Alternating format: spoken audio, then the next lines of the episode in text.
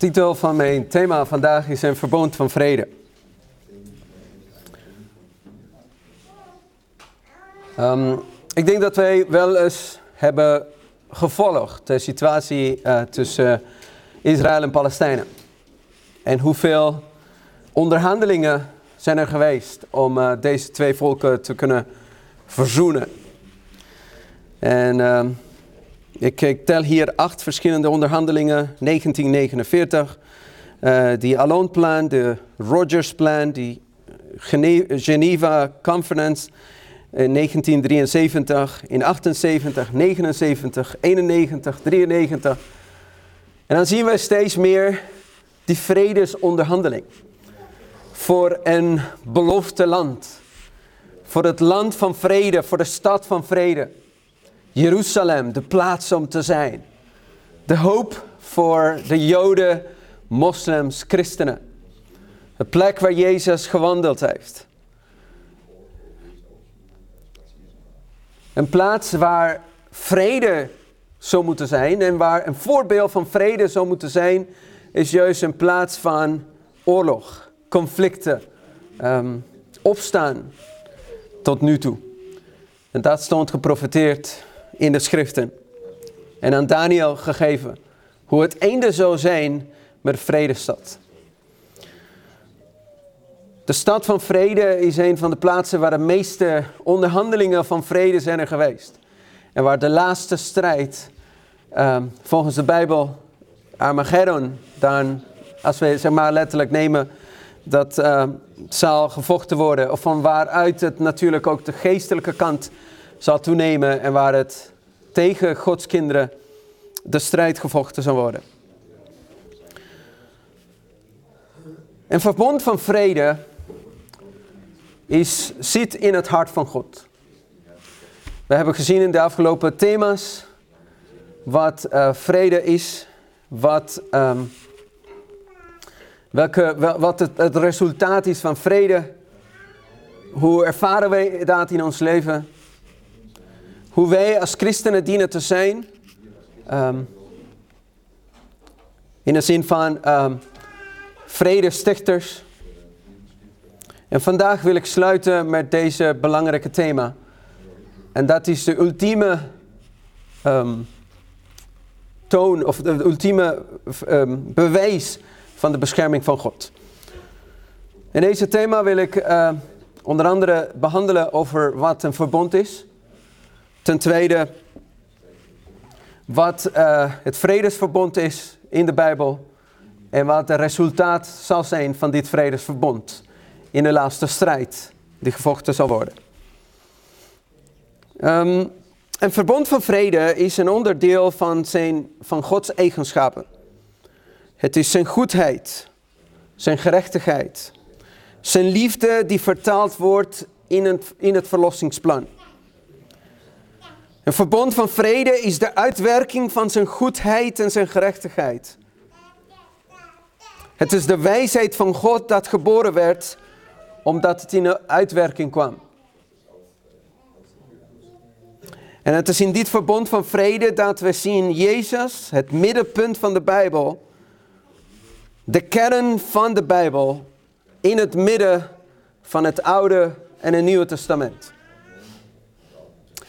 Vandaar dat Burjousi dan sprak over dat kussen van de gerechtigheid en de vrede de, de, de liefde die daarin zit. De verbinding. Balans tussen de eigenschappen van God. Tussen gerechtigheid en vrede en genade. Als we nu bekijken wat een verbond is. In het Hebreeuws is dat berit. In de zin van snijden. Um, omdat het natuurlijk werd gemaakt met behulp van stukken van vlees. Als jullie dan goed um, herinneren, moest Abraham een offer in stukken snijden en helemaal op zo zetten. Omdat dat met bloed te maken had. Het werd ook soms gedaan, eh, waardoor de mannen die een verbond maakten, hun hand hier moesten zetten waar hun zaad is. Zodat voor de kinderen, dat het dan voor hun zaad, voor hun kinderen zou moeten zijn. En dat belofte, dat verbond, ehm, werd in, ehm, in het Grieks, of staat in het Grieks als diatheke, of een dispo, dispositie, of een dispensatie, een verbond of een testament. Een opstelling, een regeling. Maar altijd was er bloed mee ehm, verbonden. En maar als we goed over nadenken, een verbond dat je maakt met bloed, is een verbond dat je enigszins verwacht dat het niet voorbij gaat, dat het niet veranderd wordt. Omdat men zich of moest snijden, of omdat er bloed moest komen, omdat er altijd de aanwezigheid van bloed moest zijn, dan denk je van, oké, dan ga je niet van mening veranderen van de ene naar de andere dag. Omdat het pijn heeft gekost. Dat betekent dat het waar is, dat het blijvend is. Dat een, een afspraak is waar men het nakomt. Het verbond in de Bijbel is een testament. Uh, het is een samenstelling over iemand die uh, een bepaalde bezittingen heeft. Over de erfenis na de dood van iemand. Er is een bepaalde afspraak en belofte. Het is een verbond die wettelijk bindend is. Het is een huwelijkscontract, dat staat er ook eh, in de Bijbel. Het is een afspraak tussen vrienden. En we vinden ook in de Bijbel dat goddelijke aspect, dat goddelijke verordeningen met tekenen en beloften. En dat had ook te maken met de grondwet van het volk van Israël. Dat kon je natuurlijk als mensen, als gelijk, gelijke maken. En ehm, in, dat, uh, in, in deze situatie dan had je gelijke voorwaarden, dan had je gelijke plichten. En beide komen tot een bepaalde overeenkomst van hoe wij dat afspraak gaan maken. Maar omdat het een verbond van vrede is die van boven komt, dat God is degene die dat verbond met ons sluit, met de mens, zien wij dat God is degene die bepaalde voorzieningen uh, treft hij heeft deze voorzieningen en heeft deze wetten aan het volk bekendgemaakt. En hij gaf de mensen de mogelijkheid om het aan te nemen of het te, verwerpen. We zien het element van vrije wil daarin. Maar bijzonder is in dat vredesverbond, is dat God alles aan de mens geeft. Hij belooft de mens te zegenen of zijn volk te zegenen. Hij belooft een, een land te geven, een beloofde land. Hij belooft ook zijn wil aan zijn volk bekend te maken. Hij belooft ook een Messias, een verlosser, een plaatsvervanger. En hij belooft hen te, te gebruiken als instrument om de verlosser, om, de, om een verlossing van de natieën te kunnen zijn. En de enige wat hij van zijn volk vroeg, was gehoorzaamheid. Dat was de enige. Hij gaf ze alles. Zoveel beloften. Zoveel voorrechten. En de enige wat de, wat de mens moest doen is gehoorzamen. Wel mooi, zo'n belofte, zo'n afspraak dat jij met God maakt. Hij geeft ons de meeste. De enige wat wij moeten doen is ons hart aan hem overgeven. En als je goed bekijkt, wat je aan God geeft, is niks waard. Is niet, niet goed. Wat je aan God geeft, is zo slecht. En wat Hij aan ons geeft, is alles. Het is het beste. Het is verlossing. Het is herstel. We denken meteen aan het verbond met Abraham. Dat is misschien de meest bekende, of waar je de meeste details van het verbond aan ziet. Um, Abraham maakt twee keer met de Heer dit verbond. Hij, heeft het, uh, hij kwam niet naar zijn afspraken en hij moest nog een keer dat, dat verbond maken. En we zien in Genesis hoofdstuk 17, vers 11, zien we, u moet het vlees van uw voorhuid laten besnijden. We zien dat element, dat aspect van, van bloed. De mensen, uh, um, het volk van Israël, zijn kinderen, moesten wel afstand doen van iets. Wat voor, hem, voor hen dan uh, nou ja, belangrijk was. Ze moesten zichzelf dan besnijden. En dan zal een teken zijn van het verbond tussen mij en u. Als een teken van het verbond. We weten dan dat dit, deze besnijdenis niet alleen de voorhuid moest zijn, maar dat het dan ook een innerlijke besneding moest zijn. En dat is dat element wat ook in het Nieuwe Testament doorgaat. En dat is een besnijdenis van het hart. Dat, er, dat je toch wel afstand doet van iets wat je dan zo lieveling vindt. Dat, dat het voor jou echt zo belangrijk is. Dat dat voor jou pijn doet. De, je doet afstand van dat wat je leuk vindt. Maar dat verbond was niet een verbond die daar blijft. Of die daar begonnen is. Eigenlijk is dit verbond eerder begonnen. Dit verbond werd gemaakt met Adam. Toen er een belofte was gegeven over een Messias. Over herstel. Het was met Noach gemaakt. Met Abraham, met Isaac, met Jacob, met het volk van Israël. En dat is hetzelfde verbond dat hij met ons maakt. En dat Jeremie ook gisteren met de Heer heeft gemaakt. Zoals mijn vader ook zei, het is een verbond van verzoening, vrede met God, vergeving van zonde.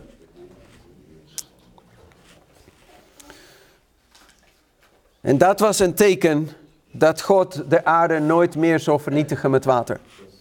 Maar dat is tegelijkertijd ook een verbond, zoals, zoals, wij, zoals Jonathan ook dat een paar keer op Sabbat heeft gezegd. Een symbool van de twee manieren hoe God ons reinigt. Met water en met vuur. En hoe hij ook de aarde met water en met vuur um, reinigt. In het verbond hebben wij die elementen wat wij al hebben genoemd. Bijzonder is hij dat, dat hij ons aanneemt als zijn kinderen. Dat hij ons de Heilige Geest geeft. En, en ook als laatste wat we hier ook kunnen zien, is dat God bij de mens woont. Dat staat in dat verbond. Ehm, dat God ons een nieuwe naam geeft. En dat God altijd de genade aan de mens schenkt. En soms een tijdelijke kwijtschelding, zodat de mensen ook ehm, met de kennis erachter kunnen komen van wat de Heer voor hen heeft gedaan. En dat is de reden waarom God voorbij ziet de tijden van onwetendheid. En de mensen hun zonde niet toerekent, zodat zij tot besef kunnen komen. En wanneer ze dat weten, is het de oproep om tot bekering te komen.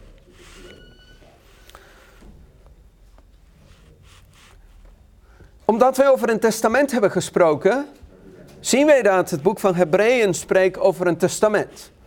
Maar altijd als je een testament hebt, is er iemand gestorven. Omdat we praten over een erfenis. Dus dan is er een erfenis omdat iemand gestorven is. En omdat er een wettelijke um, element is of een wettelijk testament is um, die bindend is.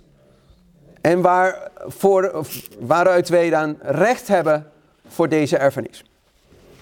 Het boek van Hebreeën zegt ons, immers waar een testament is, daar is het ook noodzakelijk dat de dood van de maker van het testament vastgesteld is.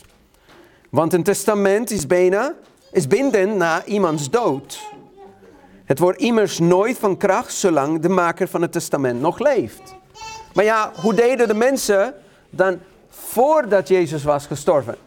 Want het is pas bindend als iemand gestorven is. Je kan natuurlijk nooit zeggen zoals die um, verloren zoon, pa, geef hem wat, wat me toebehoort, terwijl hij nog leeft. Nou, bijzonder is, in, die, in, die, in, die, um, in dat verhaal, in dat gelijkenis van Jezus, zien wij dat de, dat de vader dat geeft. De vader zegt van, je wil het, je hebt het, geen probleem.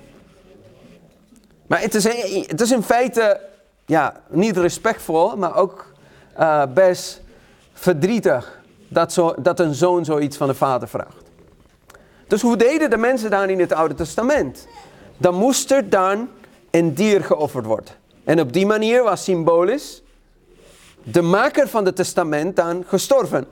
En op die manier kon men denken van, nou, oké, nu is het wel binden. Nu kan het wel, kunnen deze beloften, kan deze erfenis ook naar mij toe komen, omdat symbolisch is hij gestorven. Het wordt, niet meer, het wordt immers nooit van kracht zolang de maker van het testament nog leeft. Daarom is het ook het, eerste niet zonder bloed ingewijd, legt het aan ons. Want nadat elk gebod overeenkomstig de wet aan heel het volk door Mozes meegedeeld was, nam hij het bloed van de kalveren en van de bokken met water en scharlakende ro rode wol en hyssop en besprenkelde het boek zelf en heel het volk, terwijl hij zei, dit is het bloed van het verbond dat God u bevolen heeft te houden. Als we het avondmaal vieren, gedenken wij aan dit testament, aan dit verbond. Daarin heb je ook weer het element van bloed aanwezig. Niet zoals de Romeinen dat dachten, maar in een symbool. Dat is dus een symbool van het bloed van Jezus Christus. En we denken aan het verbond dat God met ons heeft gemaakt. Maar dit, net als zoals we hebben gezegd, dit verbond is een eeuwig verbond. Het is niet alleen met Abraham, met uh, Noach, met het volk van Israël. Maar de, Bijbel vertelt ons dat dit is een eeuwig verbond. Op grond van het bloed dat Jezus uitgegoten heeft in het kruis. In Genesis staat ook geschreven dat dit een eeuwig verbond zal zijn. Let op, mensen denken en Joden denken dat omdat dit een eeuwig verbond is, betekent dat de mensen of het volk waarmee dit verbond gemaakt werd, voor altijd en ongeacht wat ze doen, het voor hun is. En dat is, het, dat, is, dat, is dat um, verwaring die sommige mensen hebben. Omdat het letterlijk staat geschreven Israël, betekent dat Israël voor altijd en ongeacht welke de situaties zijn, het altijd voor, met hun is. En voor hun is. En zij het volk van God blijven. Maar het is het verbond dat eeuwig is. Niet de persoon of niet waarmee dat gemaakt wordt. En om het waar te kunnen maken, heeft Jezus Christus door zijn dood ieder persoon niet-Jood een kind van Abraham gemaakt. Dus in die zin blijft nog steeds een verbond met de kinderen van Abraham. Eh, sorry, ja, kinderen van Abraham omdat het door Jezus Christus wij ook ingeënt zijn. Omdat we door Jezus Christus kinderen van Abraham worden. Voor God is het niet zozeer uh, of wij het bloed van Abraham hebben, of wij afstammelingen zijn van Abraham of niet. Het, het heeft te maken meer van of we de daden van Abraham doen. Of we het geloof van Abraham uh, hebben.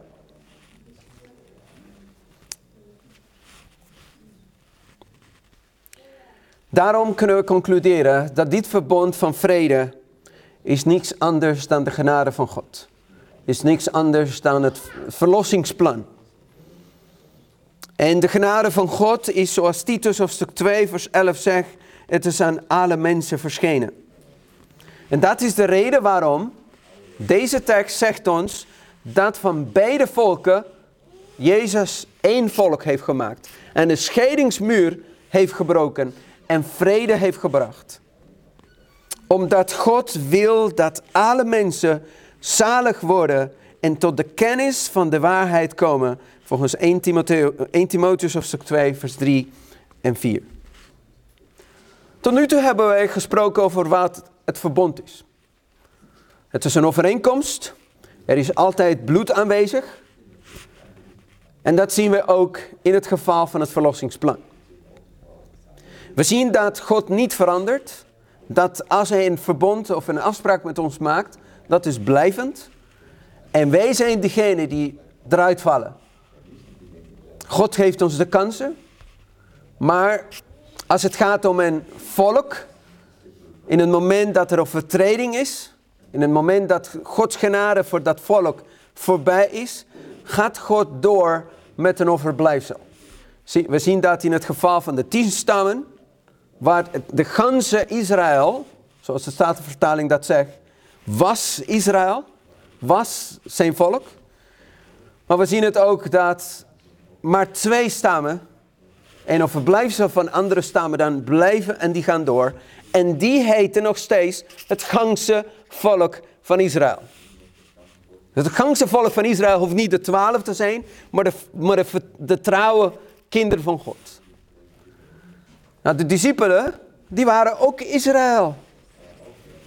En de andere, de meerderheid, dat was uitgevallen. En zo zien we de lijn door tot onze tijd. Als het gaat om een kerk, het gaat niet om de naam, het gaat om de trouwe volgelingen. En vandaar dat we zien dat je altijd een rode lijn hebt, een lijn hebt tot onze tijd toe.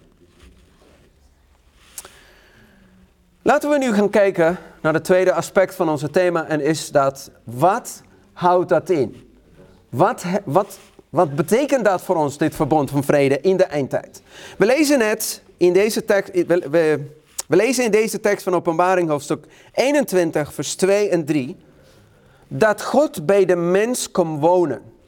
Dat God verhuist zich naar deze aarde om hier te wonen. En dan denk je van, het is een beetje raar dat God, die woont in, in het heelal, in de hemel, in zo'n een grote ruimte, zeg maar, naar zo'n kleine aarde komt wonen. Dat God dit het middenpunt van het heelal maakt. Dat, dat kunnen we ons niet voorstellen. Dan zou je denken misschien uh, Saturnus of Jupiter, iets grotere planeet. Of een andere van een andere stelsel. Maar deze aarde, in vergelijking met alle andere planeten die er zijn. Dan denk je van, het klopt gewoon niet. Maar deze tekst is een vervulling van de belofte van verbond van vrede. Dat staat namelijk in Ezekiel hoofdstuk 37, vers 26 en 28. Die zegt, ik zal met hen een verbond van vrede sluiten.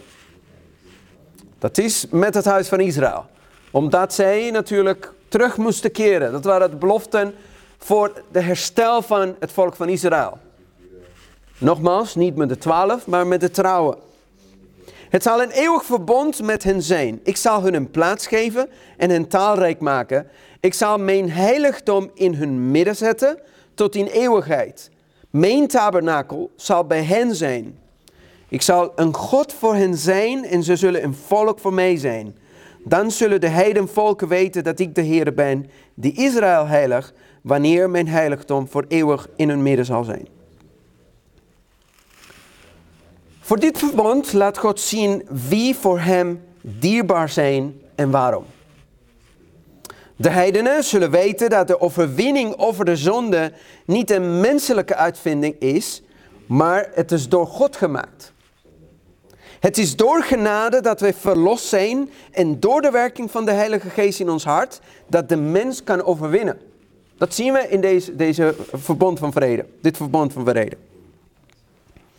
Het is God die zijn volk heiligt. Maar deze tekst laat ons toch denken, en het is een directe verwijzing naar het vierde gebod.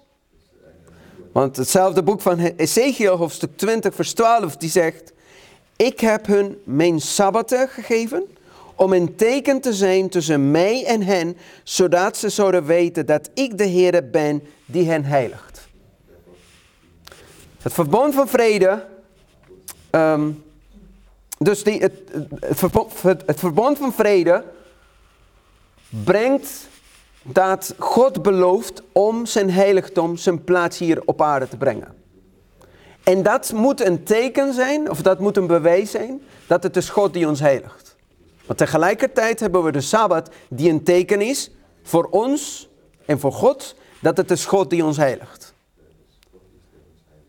Dan weten wij waarom zuster White spreekt over het verbond van vrede met degene die opstaan in de vooropstanding. Diegenen die de drie engelen boodschap hebben bewaard, hebben uitgeleefd.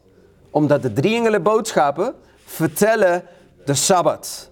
Het houden van Gods geboden. En het kan alleen met hen die de Sabbat en de geboden van God hebben gehouden. En het kan alleen gemaakt worden met hen die verzegeld zijn met het zegen van God. De 144.000. Omdat zij zijn diegenen die verzegeld zijn En de naam van God staat op hun voorhoofd. Zodat zij kunnen weten, en iedereen moet weten, dat God een verbond met hen heeft gemaakt.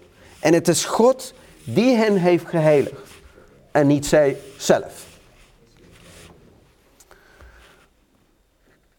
Dit brengt ons naar een ander aspect. En dat is dat dit verbond van vrede komt, in de hoogste, op, komt op de hoogste punt tijdens de tijd van benauwdheid.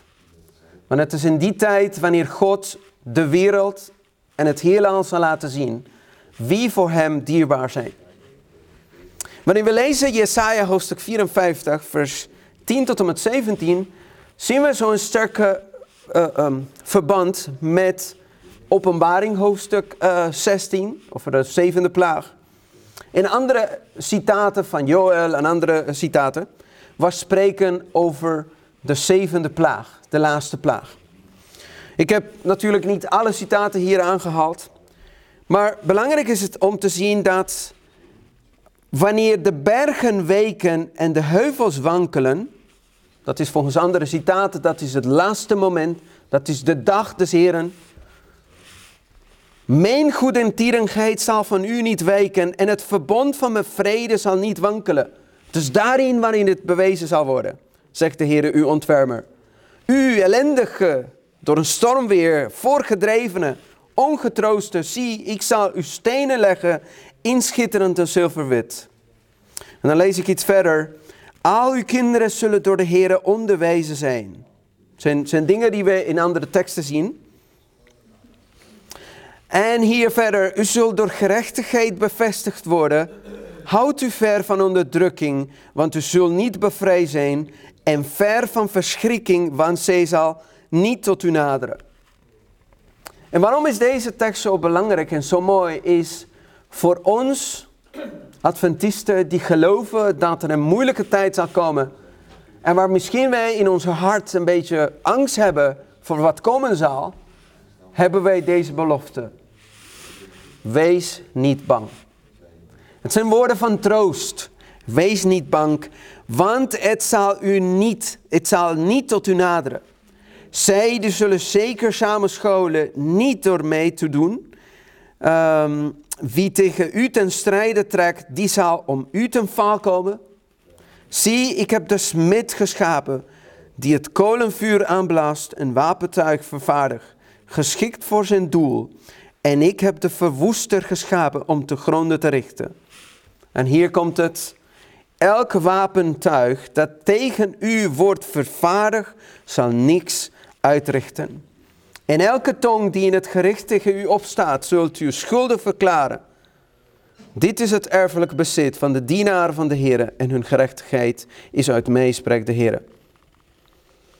Interessant is dat hier Gods kinderen worden schuldig verklaard. Waarvoor? Voor de plagen die komen op de aarde. In elke gericht zullen wij de schuldige verklaard zijn. Wij zijn diegene waarom alle, alle ellende hier op deze aarde komt. Maar elke wapentuig, alles wat de mensen maken, of is het mobiele telefoon, of is het satellieten, of is het wapens, of is het geheime dienst, of is het welke, welke uitvinding dan ook. Wat zegt de Bijbel? Het zal u niet, niet uitrichten. Het, kan, het zal niet werken. Dus het maakt niet uit hoeveel satellieten ze hebben en hoe goed ze mensen kunnen vinden op dit moment. In het bos, in de bergen. Wat gebeurt op dat moment? Het zal niet werken. En wat zal ons moeten geven dan? Rust, blijdschap, vertrouwen in de Heer, vrede, omdat wij weten dat de Heer voor ons strijdt. Het is de Heer die, die deze strijd van ons strijdt. De strijd van Armageddon is niet een strijd, een letterlijke strijd met, met vuisten of met, met wapens tegen, uh, nou, welke machten dan ook. Het is een strijd die God voor ons zal strijden. De strijd die wij zullen strijden is de strijd van Jacob in die nacht. Een strijd van angst. Omdat je, je, je, denkt dat er misschien je, je nog niet goed genoeg bent. Maar ook omdat Satan ons zal aanvallen met gedachten. Dat wij niet goed genoeg zijn. Dat er iets nog steeds verkeerd in ons zit. Zoals Jezus ook de nacht voor zijn kruisiging gestreden heeft. En zoals de waarheid zegt dat hij over het graf heen niet kon zien. Hij kon niet zien. Hij wist het wel dat hij de opstanding in het leven zou zijn. Hij had het ook eerder gezegd. Nou, op de derde dag zal ik opstaan. Maar toch, op dat moment was het alsof alles zo duister was dat hij niet kon zien hoe de uitkomst zou zijn. Toch was hij zonder zonde en werd door Satan aangevallen. Maar dit is het verbond van vrede. Wat geeft het ons? Rust. Gelukkig, God zij dank, dat de Heer van ons strijdt. In het grote conflict, bladzijde 572, spreekt over hoe dat zal zijn. En het spreekt over de donkere wolken en hoe dat alles zal gebeuren. En dan zegt de Heere God, de Vader, het is geschied. Het is de eerste keer dat de Vader spreekt. En die stem doet de hemel en de aarde beven. Dat, dat hebben we net gelezen in Jesaja. En komt er dan een grote aardbeving, zo groot als er geen geweest is, sedert de mens op aarde was. Zo hevig was deze aardbeving zo groot. En op dit moment worden graven geopend. En de tekst van Daniel hoofdstuk 2 vers 2 heeft zijn plaats. Niet allen, maar velen. Die slapen in het stof der aarde zullen ontwaken. Deze tot eeuwig leven en gene tot versmading, tot eeuwige afgrezing. Dit is het moment dat de vijanden van Jezus opstaan. En ook de felste vijanden van het evangelie zullen opstaan. Om uiteindelijk, staat het hier, te kunnen zien wat voor eer God geeft aan de trouwe kinderen van God. Maar wie, wie staat hier op? Alle doden die tijdens hun leven geloofden in de boodschap van de derde engel, verrijzen met een verheerlijk lichaam uit het graf, om Gods vredesverbond met hen die zijn wet hebben onderhouden te horen afkondigen. Het doel van deze vooropstanding is zodat zij kunnen horen van God wat voor verbond van vrede dat is. Maar ook zodat zij, ehm, ook zij die hem hebben doorstoken, staan ook op. En zij die Christus in zijn doodstrijd hebben bespot, en zij die de felste tegenstanders waren, worden opgewekt om hem, dus Jezus, in zijn heerlijkheid te zien. En wat zien ze ook? Ze zien ook de eer de getrouwen en gehoorzamen te beurt valt. Altijd hebben Gods kinderen, zijn Gods kinderen een prooi geweest van Satan. Ze zijn mishandeld, ze zijn gemarteld. Ze hebben gestorven om, om, om het evangelie. Maar het doel van, de, van het verbond van vrede is dat de wereld en Satan en iedereen kan zien... Nee, jullie komen nooit meer aan mijn kinderen. Ze blijven leven totdat ze opgenomen worden. In deze laatste strijd, in deze hoogtepunt... De Bijbel noemt dit de dag des Heren. Dat is het moment wanneer Hij kan laten zien aan de hele wereld dat God zijn kinderen beschermt. Omdat hun dood geen nut heeft voor het verkondigen van het evangelie. Als een van ons sterft, dan brengt, dat, heeft geen nut. Daarom beschermt God ons. Anders, dus terwijl er nog genade tijd is, kunnen nog mensen tot bekering komen. Maar op dit moment tijdens de plagen, wanneer er geen genade meer is, heeft het genut. Ik heb hier een, een, een schema gemaakt, ongeveer van hoe het zevende uh, plaag is. Hier zien we de, de verschillende plagen. En deze plagen zijn niet zoals de plagen van Egypte. Want in Egypte had, had men een bemiddelaar.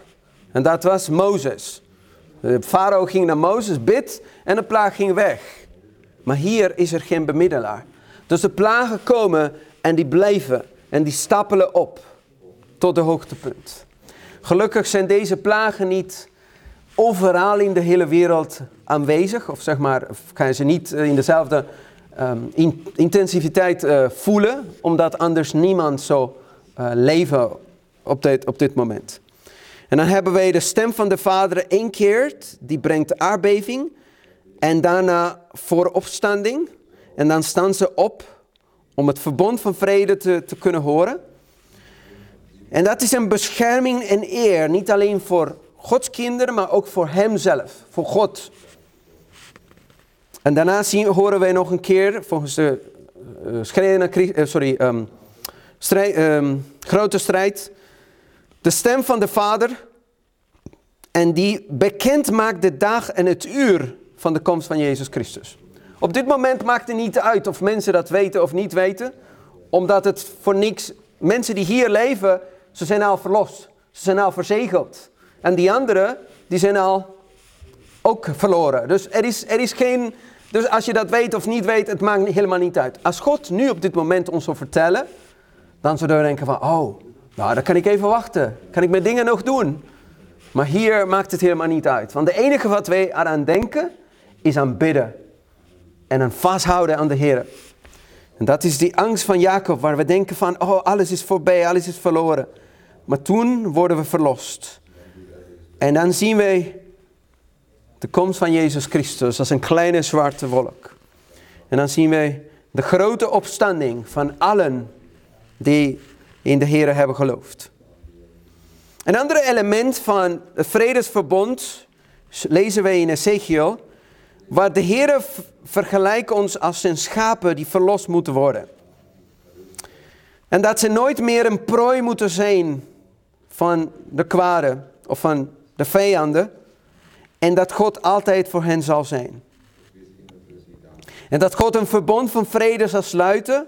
En ook zelfs de wilde dieren uit het land zal wegdoen. Want als we denken aan, oh, we moeten in de bergen slapen. Of in de bossen. Of in de woestijnen. Ja, hoe zal het zijn dan met de wilde dieren? Nee, helemaal niks. We zullen nooit meer prooi zijn van de heidenen. We zullen beschermd zijn. Dat is een grote belofte. Openbaring hoofdstuk 7, vers 14 tot en met 17. Begin nog een keer in dit stukje met een verwijzing naar de 144.000. Net ervoor was gesproken over de, over de grote schade. Maar dit stukje wordt afgesloten met twee keer amen. Wordt amen en daarna nog een stukje en dan amen. En daarna komt een vraag van iemand die zegt, maar deze, deze, deze wie zijn ze? Ze zijn toch met witte klederen uh, uh, gewassen? Wie zijn ze? Waar komen ze vandaan? Ik bedoel, ze komen niet uit alle volken en landen, maar Israël is een best dubieuze, heeft een dubieuze betekenis hier in openbaring. Is het echt letterlijk Israël? Is het, is het, waar, waar komen ze vandaan? En het antwoord is, ze staan voor de troon. God is met hen. Want God eh, zal hun tent uh, spreiden. Ze zullen geen honger meer of dorst meer hebben. En God zal hen weiden zoals schapen en brengen naar waterbronnen. En verwijzing naar de tekst die we net hebben gelezen in Ezekiel. Het is zo mooi om dat te lezen. En die andere citaten laten ons zien. In de eerste geschriften wat voor eer het was of het zou zijn om Gods kinderen te kunnen verlossen. Want de goddelozen waren al begonnen een vieren uit te roepen. Waarom verlost u God u niet uit, uit, uit uw handen? Precies zoals de stemmen dan tegen Jezus Christus waren gezegd. Als u de zoon van God bent, waarom komt u niet van, van, van het kruis af? Maar Jezus ging, die, of hij dronk die beker, dat beker, zodat wij met genade dat beker zouden kunnen, kunnen um, uh, drinken. Jezus, tegen Jezus werd dat geschreeuw, maar tegen ons komt het wel waar. Gods kinderen worden verlost. En de 144.000 na de vooropstanding staan ze allen verzegeld en volledig verenigd. En de woorden van God en van de Nieuwe Jeruzalem en een glorieuze ster met Jezus' nieuwe naam waren op hun voorhoofden. De goddelozen waren woedend op ons gelukkige heilige staat en hasten ze zich gewelddadig om, om, om handen op ons te leggen en ons te duwen in de gevangenis. En dan strekken we onze handen omhoog uit, in, de, in de naam van de Heer en ze vielen hulpeloos neer op de grond. Dat gebeurde precies met Jezus. Toen Jezus zei, ik ben er. En wat gebeurde met alle mannen? Vielen dood op de grond. Hoe komt het? Wie was dat? Een engel die met Jezus was geweest, ging voorbij en alle mannen gingen, gingen als dood. En dat is precies wat hier gebeurt. Gods engelen, als ze ons beschermen, die mensen vallen als doden neer. Dan zien we dus die parallel tussen Jezus en de strijd, de angst van Jacob die hij ervaren, en de strijd en de angst van Jacob die Gods kinderen zullen hebben. En we hebben hier in, in, in, in parallel, in een vergelijking tussen de grote conflict, de eerste geschriften, hoofdstuk Gods verlost, de tijd van benauwdheid en testimonies, band 1, dat wat komt ervoor en wat komt daarna. En het vredesverbond is een rode lijn waar we zien dat dit is wat God uh, wilde doen voor Gods eer en voor de eer die Gods kinderen zouden moeten krijgen. Tot nu toe hebben we gezien wat een uh, verbindenis is, of wat een verbond is, wat het inhoudt en wat het resultaat zal zijn. En het resultaat is de opname. Dan komt het weer een andere machtige aardbeving. En Gods kinderen die slapen, die, die sliepen, die staan op. En die verrijzen met een onsterfelijke gezondheid en kracht. De levende, heilige, werden in een punt des tijds in een ogenblik samen opgenomen met degenen die verrezen waren. En tezamen ontmoetten zij hun Heer in de lucht. O, welke een heerlijke ontmoeting zal dat zijn. Vrienden die de dood gescheiden had, werden wederom verenigd om niet meer meer gescheiden te worden. Wat een prachtige belofte. Een belofte voor degenen die trouw blijven tot het einde. En dat zien wij een sluiting aan de vrede. Dat God onze vrede is. Het begon bij de planning. Het ging in werking toen de mens in zonde viel. En we hebben gezien in al deze thema wat vrede eigenlijk betekende. Jezus Christus in je hart aannemen. Onze plaatsvervanger um, die een verbinding maakt tussen God en ons. Maar nu zien we een sluiting aan dit verlossingsplan.